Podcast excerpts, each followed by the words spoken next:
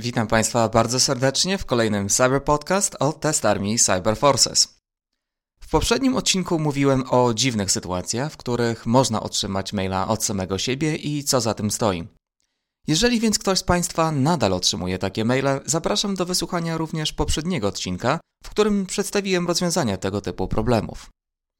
Dziś natomiast skupię się na phishingowych mailach od partnerów biznesowych, kontrahentów lub nawet współpracowników.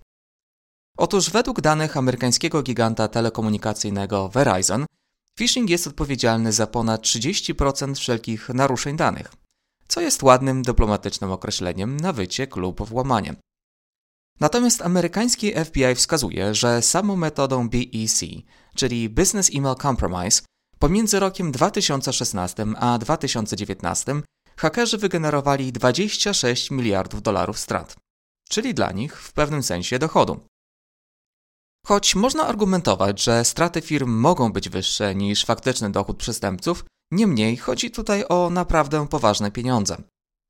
Wydawać też by się mogło, że ataki phishingowe są tak nagminne, że już nikt na nie się nie nabiera.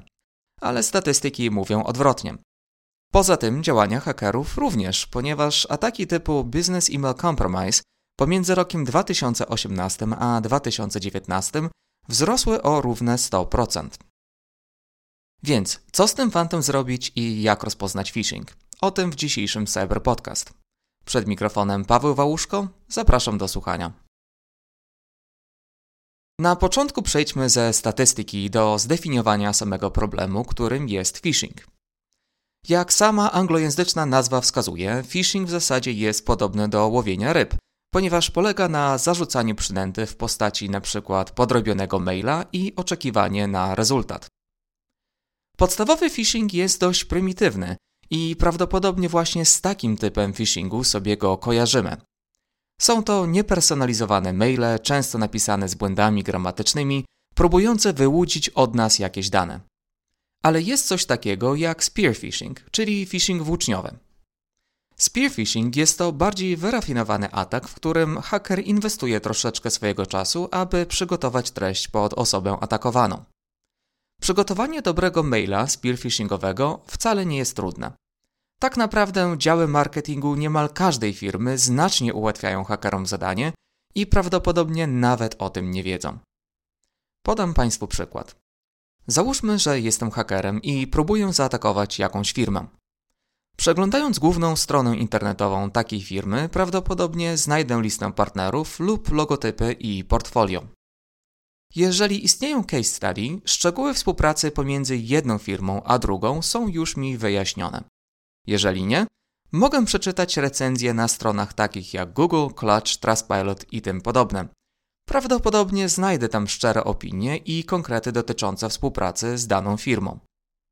Czasami też zostają tam wymienione imiona osób z wewnątrz, np. opiekunów klienta, sprzedawców lub menedżerów. Wystarczy te dane zebrać z kilku źródeł i ze sobą skorelować. Warto jest też zauważyć, że press release i informacje o wygranych przetargach są idealnym materiałem na uwierzytelnienie mojej phishingowej wiadomości. Media społecznościowe na tym etapie również pomagają, ponieważ na ich łamach działy marketingu dzielą się wszelkimi wydarzeniami, nawet tymi z wewnątrz, jak impreza integracyjna czy wspólny wyjazd. Im więcej będę się odnosił do faktycznych wydarzeń w moim mailu, tym lepiej.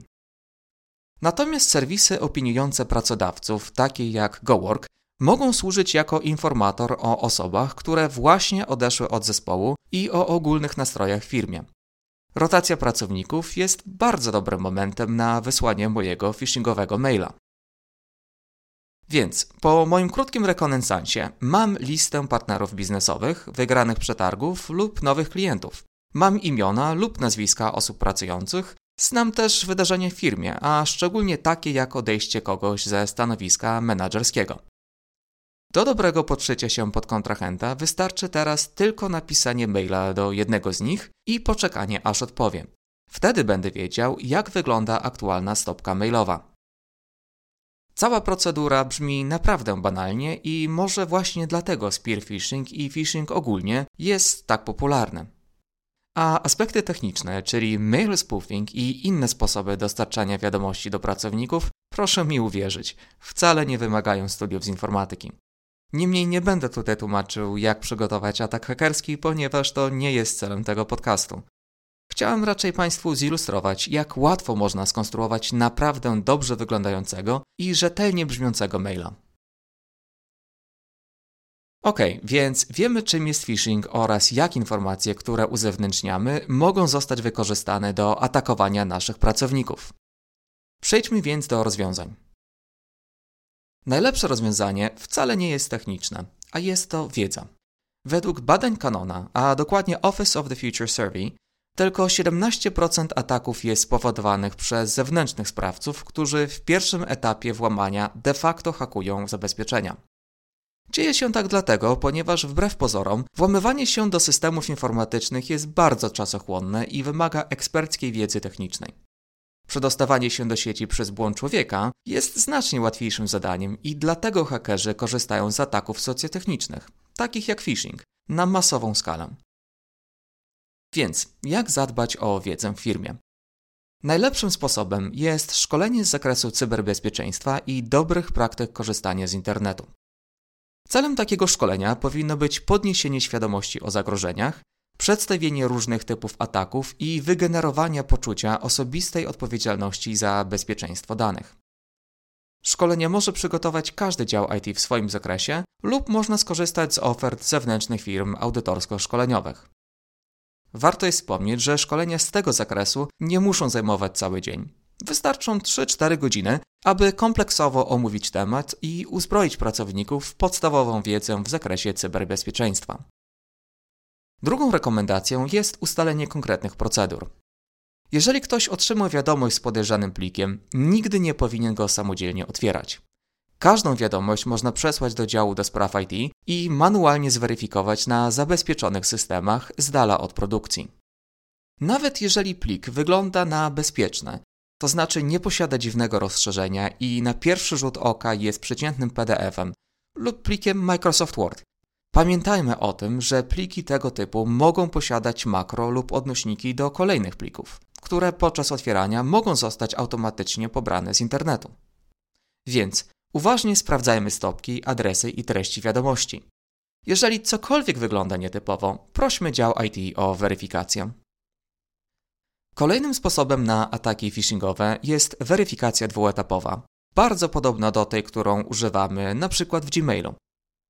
Jeżeli więc imię i nazwisko nadawcy faktury raptownie się zmieniło, nic nie stoi na przeszkodzie, aby zadzwonić do firmy i sprawdzić, czy rzeczywiście nastąpiła rotacja pracownika. Proponuję więc Państwu określenie sytuacji, w których pracownicy powinni podwójnie weryfikować prośby przed ich wykonaniem.